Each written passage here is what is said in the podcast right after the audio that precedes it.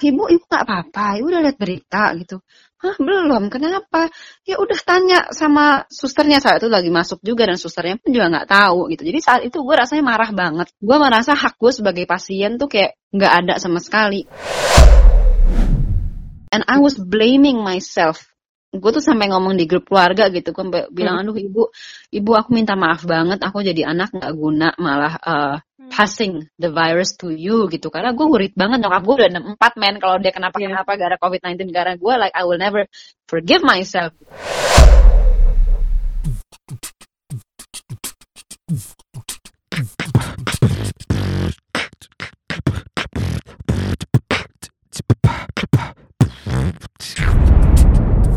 Cuap-cuap cuan.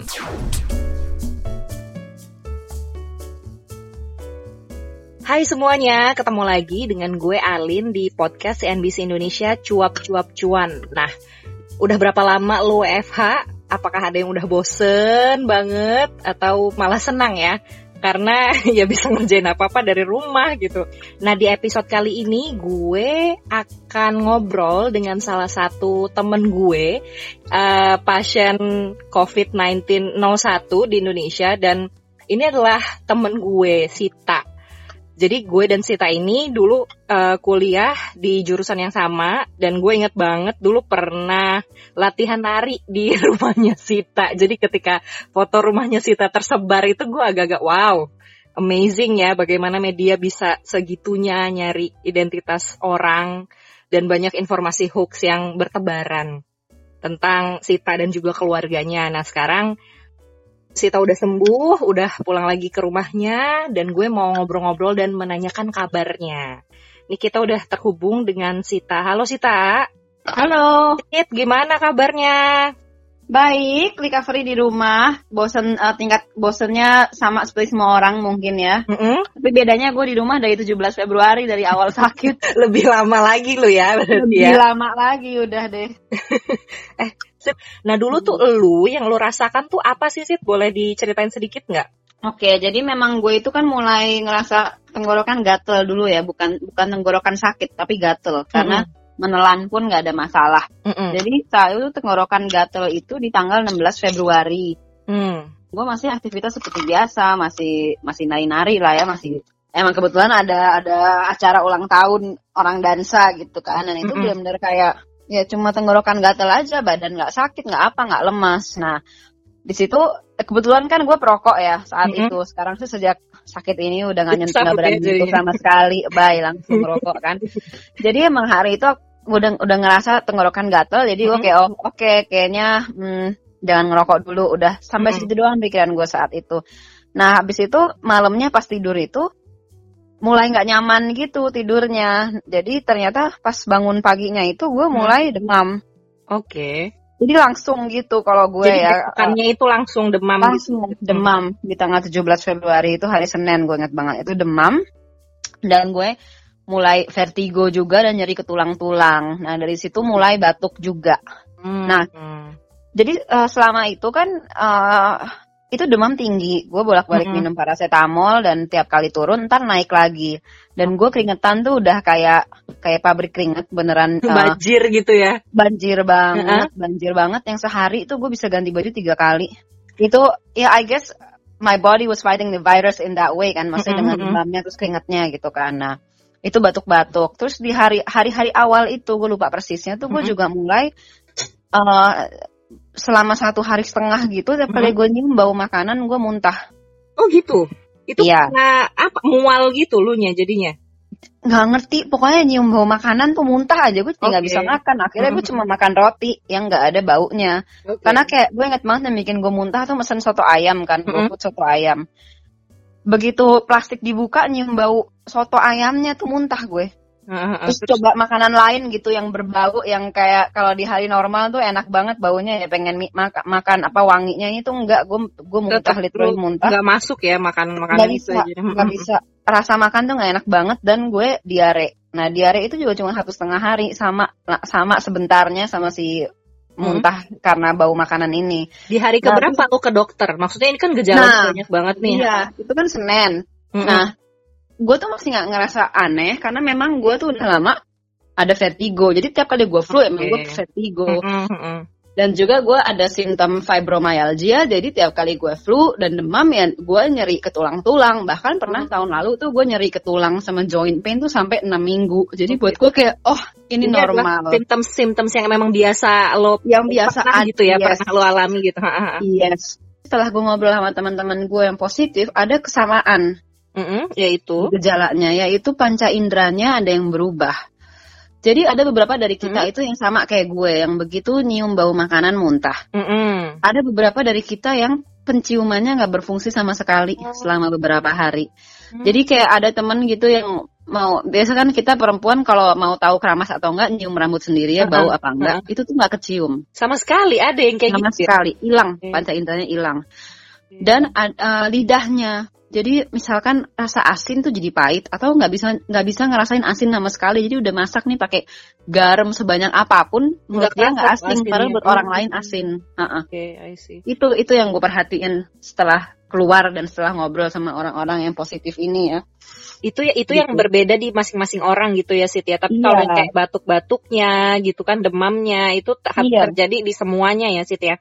iya eh, iya tapi eh, apa to a certain extentnya tuh apa beda-beda per orang tetap aja keparahan tingkat keparahannya tuh beda-beda Hmm. dibandingin yang lain mungkin dibanding yang lain yang gue kenal ya sorry itu mungkin gue yang paling parah karena gue bronkonemonia dan makanya gue juga harus 16 hari pakai infus gitu Mm-mm. kan dan prosesnya lama berkali-kali ronsen gitu kan Mm-mm. Cuman gue juga sadar betul banyak orang lain yang lebih tidak eh, apa ya, not as lucky as I am, Iya. karena mereka kondisinya jauh lebih parah lagi. Itu juga banyak sekali karena Hmm. memang pada intinya tuh tergantung imun sistem kita. Jadi biasanya yang parah-parah itu tuh yang sudah punya penyakit bawaan seperti diabetes, hypertension, eh, jantung atau apa pun itu gitu. Untungnya gue sekeluarga nggak ada nggak ada Eh, yang ada penyakit yang parah gitu ya. Hmm. tapi untungnya nggak ngaruh ke mana gue soalnya waktu dari apa jantung gue emang agak lemah gitu gue ada Mhm. mitral valve prolapse apa katup jantung gue tuh lemah cuman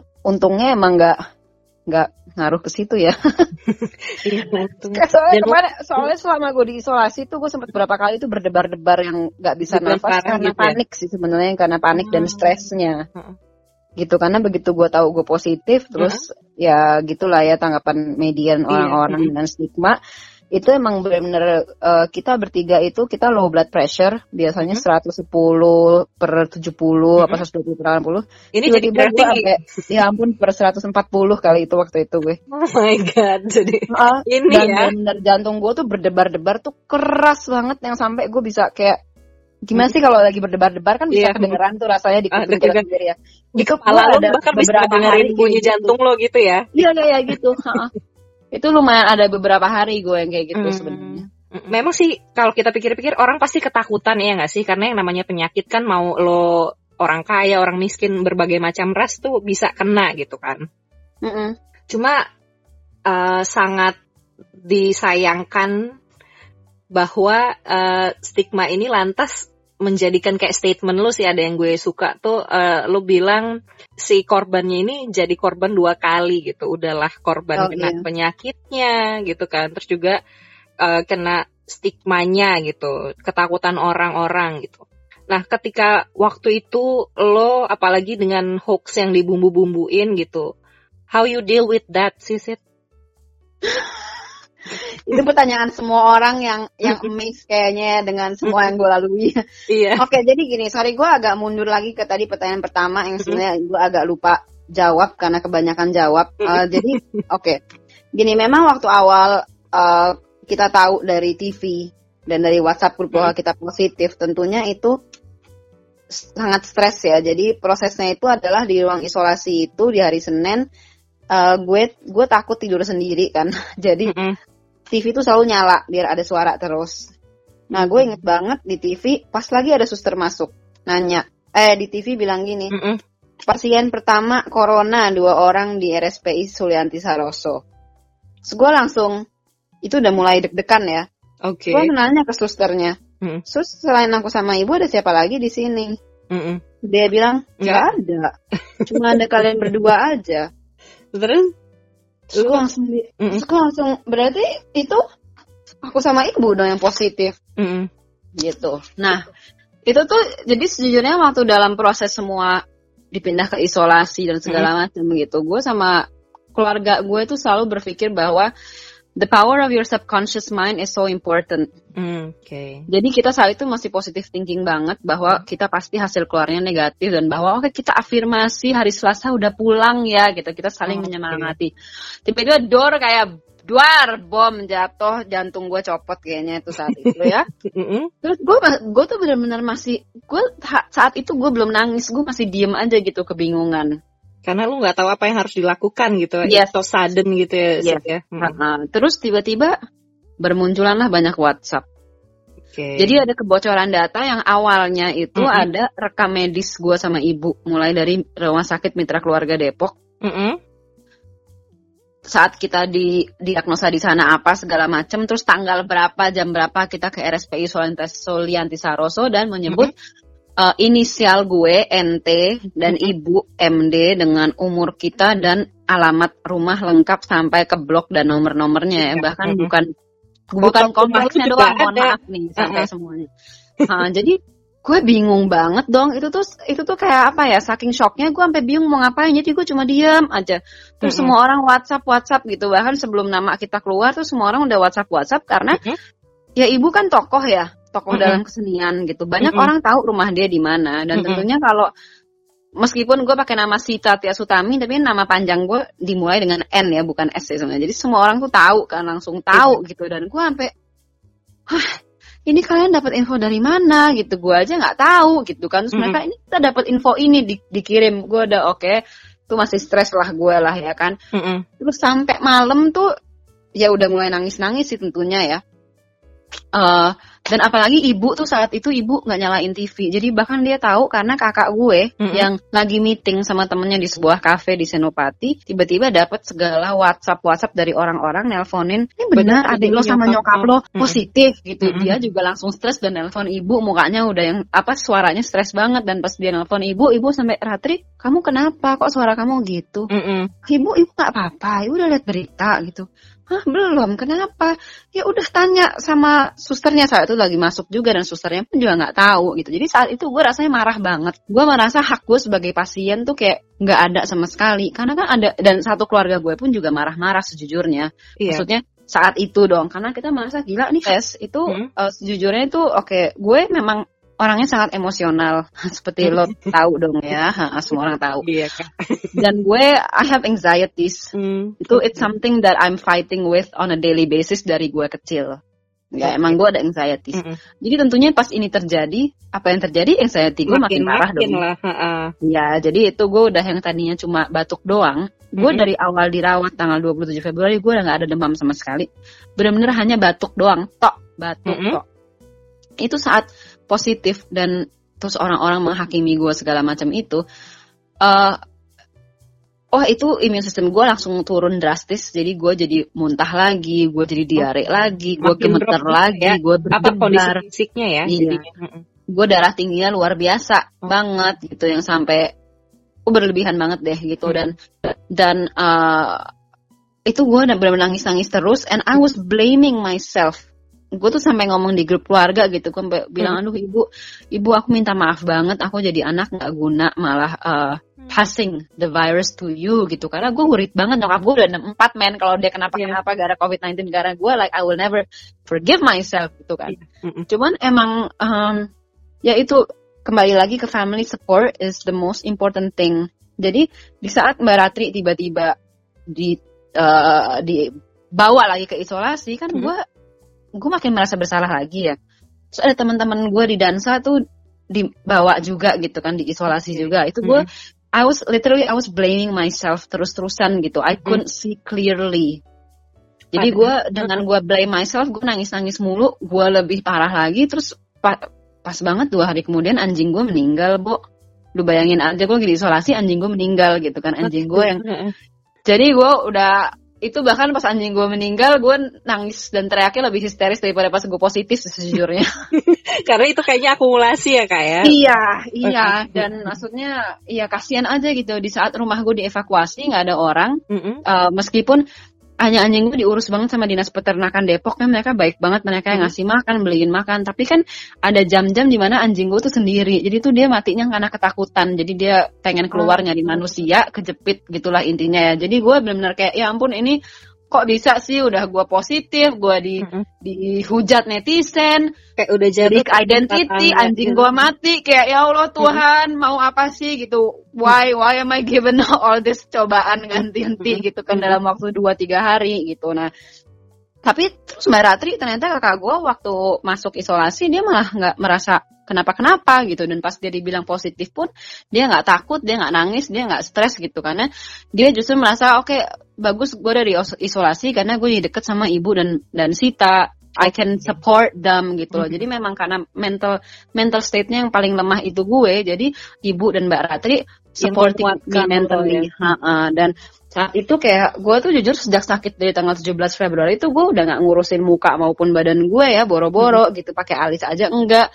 Pas di rumah sakit keramas juga nggak bisa gitu. Dan Mbak Ratri bilang dek ayo lo harus mandi lo dandan biar you feel good about yourself. Itu yang pertama gue lakuin Udah ya kita foto-foto gitu. Jadi awalnya waktu gue lock lock Instagram gue karena semua orang menyerbu, tapi ternyata pas gue lihat tuh orang-orang DM tuh supportive meskipun ada beberapa orang yang nggak ngerti ya cara pikiran mereka gimana marah-marahin gue, tapi 90% tuh supportive. Oke. Akhirnya Mbak Ati bilang oke deh ini mumpung lo banyak yang follow lo, kita bikin positive campaign. I will help you. Gue yang bikin wordingnya, lo tinggal repost. Jadi Oh. kita bisa mengurangi kepanikan orang-orang kita bisa bantu orang dengan ini. Dan akhirnya ya udah gue eh, nggak jadi private gue public profile lagi. Akhirnya gue lakuin yang dia bilang. Dan gue akhirnya mulai dandan gue posting-posting foto di rumah sakit gitu Mm-mm. kan. Karena ternyata itu tuh dengan kita men- membantu orang-orang eh, rasa terbantunya mereka tuh akhirnya ngebantu kita sendiri juga Lin Oke, itu yang jadi karena orang-orang tuh kan mikir kita diisolasi COVID-19 tuh mungkin Kayak antara hidup dan mati. gitu ya. bentar lagi mati sekarat gitu kan. Tapi terus mereka lihat kok kita baik-baik aja. Mm-mm. gitu loh. Jadi itu juga mengurangi kepanikan orang-orang gitu kan. Dan gue juga meditasi gue nyanyi-nyanyi di ruang isolasi gue olahraga. Hmm. dan gue video call tiap hari sama ibu sama sama sama keluarga sama keponakan-keponakan gue di Bali gemes-gemes banget gitu sama ya sama, sama pacar gue saat itu gitu kan. Hmm. dan itu tuh sangat itu benar-benar membantu banget sih. Itu itu benar-benar uplifting my emotions my mental health dan akhirnya memang ya emang betul ternyata immune system kita akan semakin membaik di saat kita bahagia. Dan itu and that's the only cure towards virus karena virus COVID-19 is a self-limiting disease di mana immune system lo yang akan membunuh dan melawan uh, virus itu Jadi Gitu. itu si mental health-nya ini ya Siti yang lebih harus diperhatikan gitu ya sebenarnya ya. Dan ya lucky you, you have all the supports gitu kan. Mm-mm. Mm-mm. Nah kalau bilang positif. Semua orang WhatsApp gue bilang Sita jangan buka sosial media ya. Oh lu di warn kayak gitu. semua orang Lin semua orang. Dan tentunya si bodoh ini kan lo tahu ya gue Mhm. udah emosional eh, keras kepala. Jadi ya gue Bilang buka dong jangan, sosial media tentunya. Ya. gue nanya-nanya coba kirim ke gue gue pengen tahu. Kirim ke gue gue pengen tahu gitu. Banyak yang nggak mau ngirim cuman ya akhirnya gue tahu sendiri gitu. Dan yang gue lihat dari foto siapa sih namanya Erwin Robi atau siapa ya itu ya? Ada gue inget banget tuh yang satu. Itu eh foto yang disebar kan foto gue lagi pakai Brazilian samba tuh. itu kan lagi Brazilian samba kan? Mm-mm. tapi gue lihat kok di atasnya ada tulisan kontak info dari screenshot. Berarti kan itu seseorang di WhatsApp WhatsApp kontak gue. Yang uh, screenshot itu ya gitu ya. Iya dan mengirim-ngirim. Karena kan kalau lo screenshot dari Instagram atau dari Facebook kan atasnya nggak ada tulisan kontak info, Bo. Mm-mm. Iya. Jadi pasti itu ada seseorang di WhatsApp grup gue, eh di di WhatsApp gue gitu ya kan. Mm-mm. Dan eh, apa namanya? Ya itu sih yang sangat gue sayangkan gitu. Orang-orang kalau menurut gue sih Indonesia tuh sangat darurat, darurat literasi dan empati. Mm. Karena di saat kayak gini tuh bisa-bisanya gitu malah menyerang profesi gue gitu yang Iya. maksudnya kadang tuh gila nyokap gue tokoh gitu kan dan Hmm. gue juga berbuat sebisa mungkin untuk Indonesia untuk Mm-mm. kebudayaan Mm-mm. gue gue emang gue nggak bilang gue hanya bekerja untuk kebudayaan Indonesia karena gue juga nari modern juga dan maksudnya ya itu salsa Latin, itu Brazilian samba, itu kan budaya juga. Iya. Emang itu budaya negara orang lain, bukan Uh-huh. budaya kita, tapi itu kan budaya juga yang harusnya semua orang bisa menghargai dengan level yang sama dengan mereka menghargai tari tradisional kita. Betul dan Betul. maksudnya itu memang adalah kerjaan lo gitu ya. You are a Iya, professional dancer iya. gitu. Dan maksud gue Mm-mm. kalau orang mau lihat bukan ngambil negatifnya doang itu Mhm. di Instagram gue di Facebook gue itu banyak kok foto-foto gue nari tradisional Mm-mm. ada foto-foto gue pakai kostum tradisional di Paris di Guadeloupe di Caribbean Island di Belanda banyak banget Tapi ini dan kalau pengen- Mm-mm. ah kalau lihat dari caption-caption gue ada bahasa Inggris ada bahasa Spanyol ada bahasa ada bahasa Perancis gitu kan maksudnya Man, I speak four languages. I'm doing so many things, traditional dances, dan lo ngambil foto gue yang lagi Brazilian samba gitu. Mm-mm. dengan narasi yang sangat tidak dengan benar. narasi yang sangat seperti itu di mana gue merasa oke gue tahu sih emang we live in a machista patriarchy world Mm-mm. kita we live in a world that is not safe for women Ya. cuman gue nggak menyangka orang tuh sejahat itu mulutnya Mm-mm. Dan gue kalau gue Karena- lebih nggak nyangka gini sih kayak ini orang maksudnya tahu info ini dari mana? Apa dia kayak mengarang dan dia butuh drama segitunya gitu? Maksudnya itu kan kayak dramatis banget kan? Uh, apa namanya cerita yang dia bikin gitu bahwa uh, Iya. ini orangnya begini bisa biasa disewa gini-gini gitu. Lalu dapat info dari mana pak? kayak bikin skenario dari mana gitu. Gue nggak habis pikir sih memang apa netizen netizen kita gitu ya Sit ya? Yes itu dia. Dan maksudnya ya jahat banget sih. Emang benar-benar darurat literasi dan darurat empati gitu. Karena kayak foto-foto di Instagram gue. Gue kan sempat late post late post gitu kan. Selama gue di isolasi. Gue gue post koreografi gue yang gue bikin di minggu pertama Februari. Dan gue tulis itu postingnya kalau nggak salah di Maret 6 kalau nggak salah Maret 9 gue lupa. Uh, itu tulisannya lagi my choreography from a few weeks ago. Dan itu Dihujat dong, kan. dituduh. Ah, dituduh dibilang kalau oh ini uh, acting. Masa dalam di isolasi tapi nari-nari gitu. Betul Terus banyak. ada yang bilang, Mbak, ditulis aja late post biar orang tahu. Gue edit lah, late post. lo ikutin lagi, oh itu disunting, itu diedit, jadi pasti itu bohong. Ya ampun, gue sampai, wah gila ini netizen mah emang pada gila, emang cuma nyari kesalahan aja gitu. Dan sejujurnya, eh, kalau gue bilang gue fine dan gue bodoh amat dengan itu, itu bohong besar. Karena eh, sampai sekarang juga gue masih fighting that gitu loh, maksudnya nyokap gue sama kakak gue itu orang-orang beruntung karena mentality mereka sangat kuat sehingga yang kayak gini it doesn't bother them. Tapi gue nggak seperti itu. Hmm. Jadi sejujurnya kayak eh, waktu gue keluar rumah sakit tuh kita mikirnya oh oke hidup kembali normal gitu kan dan kita tuh nggak mengira bahwa efek dari eh, penghargaan Menteri Kesehatan terhadap kami yang ngasih jamu itu Mhm. di depan publik akan berefek seheboh ini gitu karena Mm-mm. ya gimana sih gua- kita kan keluarga seniman ya Mm-mm. Lin, kita tuh emang nggak pernah ada pikiran untuk politik atau untuk banci tampil atau panjat sosial apa pun itu yang orang bilang. Jadi kita saat itu tuh polos-polos aja gitu kayak dikasih penghargaan, oke, gue rasa mungkin ini memang penghargaannya karena inisiatif gue untuk minta dicek sehingga uh, pemerintah dan rakyat sadar bahwa COVID-19 sudah masuk di sini. Tapi gue rasa mungkin juga ada sedikit permintaan maaf karena identitas kita terekspos dengan cara yang sangat brutal gitu Mhm. mungkin ya kan. Dan juga yang paling penting kita tuh kayak simbol harapan ba- bagi rakyat Indonesia bahwa kita bisa sembuh loh dari COVID-19. Ini contohnya gitu kan. Mm-mm. Nah, yang kita nggak sadar saat itu sebagai seniman, mungkin kalau gue orang politik akan tahu langsung efeknya gitu ya. Cuman karena kita seniman ya kita nggak ngeh gitu. Tiba-tiba kok hujatan orang-orang lebih parah daripada pas gue awal positif. Dan pas gue keluar, lagi aja gitu Ah, ya pas gue keluar itu gue langsung mulai kuliah gue kan. Gue lagi S2 eh, apa MBA. Itu langsung mulai kuliah, bacaan banyak banget, terus wawancara juga banyak banget gitu Hmm. kan. Dan kita kayak demi positif campaign kita lakuin semuanya. Hmm. Cuman itu to a point that gue tuh sampai nggak bisa merasakan apa yang gue rasakan. Jadi selama dua minggu itu sibuk banget dan tiap kali wawancara kayak gini, Mm-mm. tiap kali wawancara kayak gini dan ceritain semuanya kan, I go back to that mental state gitu kan, ngerti nggak? Jadi tuh emang ada hari minggu lalu tuh yang tiba-tiba gue mental breakdown aja gitu, gue nggak bisa ngapa-ngapain, gue nangis-nangis, gue teriak-teriak, gue sebel, gue nggak bisa ngapa-ngapain, gue sampai nggak kuliah hari itu dan gue cuma nelpon psikolog doang Oke. Mm-mm. karena kayaknya baru it just hit at that moment that ya ampun kok orang-orang bisa ya mereka menguliti badan gue, menghakimi Mhm. badan gue dan and they feel entitled to do it like it's okay. Mhm. Gue sampai mikir nih kalau pasien 0102 bukan perempuan tapi laki-laki, pasti hujatannya nggak se- nggak separah ini. Parah ini. Mhm.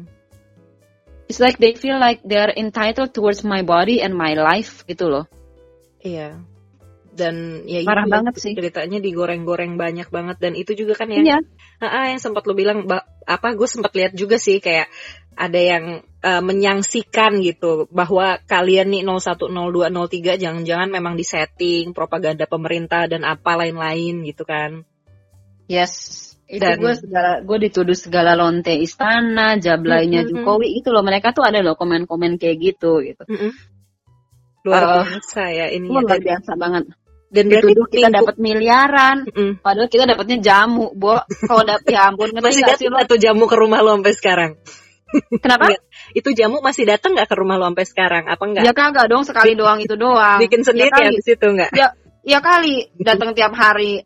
Di endorse kali ya kak ya? Nah, eh, Eh Sip, tapi kan berarti minggu kemarin tuh lu sempet yang lo bilang mental breakdown dan ya sampai sekarang mungkin juga pasti itu nggak mudah gitu. Gue tahu bahwa ketika expose-nya sedemikian besar, kemudian juga itu banyak yang negatif gitu kan, walaupun yang positifnya juga banyak gitu. Kalau lu ngelihat yang sekarang gitu kan, kalau baca-baca berita gitu ya Sit ya banyak, apalagi itu kayak tenaga kesehatan yang diusir lah dari kosannya, iya. terus kemudian didiskriminasi lah keluarganya gitu ketika ketahuan salah satu anggota keluarganya ini menderita COVID-19 gitu kan. Apa sih sih yang mau lo bilang gitu eh, ke masyarakat kita pada umumnya yang mungkin juga sebenarnya ketakutan juga gitu. Dan lo kan di posisi yang lo pernah apa eh, menderita penyakit itu dan lo udah sembuh gitu bahwa memang sebenarnya harapan itu ada gitu. If you have words untuk mereka yang masih memandang negatif dan mendiskreditkan pasien COVID-19, apa yang mau lo omongin? Yang selalu gue pesan adalah masyarakat harus mengedukasi diri dengan data yang valid dari sumber yang valid. Bukan sumber hoax gitu ya kan. Karena ini tuh banyak banget fear mongering di mana hoax-hoax itu membuat kepanikan di seluruh dunia dan lebih lebih lagi Indonesia gitu. Gue sangat menyayangkan bahwa uh, Indonesia itu memang terbagi dengan orang-orang yang teredukasi dan sangat berliterasi gitu dan ada juga orang-orang yang sangat darurat literasi dan orang-orang yang darurat literasi inilah yang gampang sekali untuk di dihasut, Betul ya. dihasut Mhm. dan untuk kemudian menebarkan hate speech Ya. gitu di tingkat kepandaian kecerdasan orang itu sangat rendah gitu loh maksud gue karena mereka tuh sampai bilang gini kok bisa sembuh kan belum ada vaksinnya Hmm. terus ada yang bilang mana bisa orang yang nggak pernah sholat sembuh dari COVID-19 Apa hubungannya? nggak ada hubungannya ya kan? Ada juga bilang wah ini pasti settingan. Heeh. karena semua orang di dunia di, di eh di dunia di negara lain yang kena COVID-19 pasti mati. Nggak mungkin lo sembuh. Ketahuan gak baca berita kan? ketahuan banget. gak baca berita sama sekali. Gitu kan? Maksud gue ya itu yang selalu gue bilang. Jangan jadi rakyat yang darurat literasi dan darurat. Empati Karena yang lebih parah itu da- daripada si wabahnya ini sendiri gitu ya, wabah hoaxnya itu sendiri gitu ya Sit ya. iya parah parah Heeh, yang lebih parah dan penyebarannya jauh lebih masif sih sebenarnya daripada si COVID-19-nya ini sendiri kalau gue lihat-lihat gitu. Karena memang kondisinya sih kita semua ketakutan sih ya Sit ya. Dengan COVID-19 ini udah ribuan gitu di Indonesia. Mm-mm. Dan mungkin aja ada gitu di luar sana yang lagi ngedengerin kita dan dia punya symptoms itu tapi takut untuk melaporkan atau takut untuk ngecek eh, memeriksakan diri gitu. Ada yang mau lo sampaikan kah ke Nah, yang dari awal gue Sakit. sampaikan itu adalah jangan takut untuk dites, jangan takut untuk diisolasi. Mm-mm. Yang gue lihat kebiasaan orang Indonesia adalah mereka takut untuk dites penyakit apa pun itu ya. Maksud gue kadang tuh karena gue lihat gitu kadang orang kayak, ah gue nggak mau dites, kalau gue positif gimana gitu misalkan, atau apa pun itulah ya. Mm. Eh, aku takut ntar kalau ini gimana gitulah. Padahal kan harusnya pola pikirnya bukan gitu. Harusnya kalau memang sakit apa pun itu baiknya diketahui sesegera mungkin sehingga bisa disembuhkan gitu kan. Jadi lo tahu how to deal with that gitu ya, harus Iya. ngapain gitu ya. Iya, iya. Dan jangan takut diisolasi gitu karena Mm-mm. uh, dengan kita dites dengan kita diisolasi kita bukan hanya menyelamatkan diri kita sendiri tapi orang-orang yang kita sayangin juga kok keluarga-keluarga kita kakek nenek kita orang-orang tua kita yang lebih lemah daripada kita itu kita melindungi mereka juga dengan seperti itu gitu. Kalau emang harus cek ya dicek lah. Jangan takut untuk ngecek. Kalau memang mild symptom seperti flu ya baiknya isolasi di rumah sendiri gitu. Karena sepertinya kayak kayak sama di beberapa negara lain di saat kondisi udah semakin parah akhirnya rumah sakit hanya bisa terima orang-orang yang udah parah uh, banget yang lebih parah gitu kan. Kalau yang light symptom tuh kayak ya udah disuruh pulang aja. Hidup lo berubah nggak sih Sid gara-gara kasus ini? Di saat gue udah diisolasi itu emang rasanya ketampar betul ya. Karena gini loh ketampar kenapa? Karena meskipun jatuhnya asupan makanan gue itu lebih sehat mungkin dibandingin orang-orang Indonesia pada umumnya, tapi lifestyle gue tuh sangat nggak sehat. Mm -mm. Dan itu satu keluarga gue tuh udah sampai capek ngomong, sampai ke teman-teman nyokap gue, sampai ke teman-teman gue tuh udah capek ngomong sama gue kayaknya, karena memang uh, dari kecil itu gue kebiasaan gue nggak bisa tidur cepet, gue selalu begadang.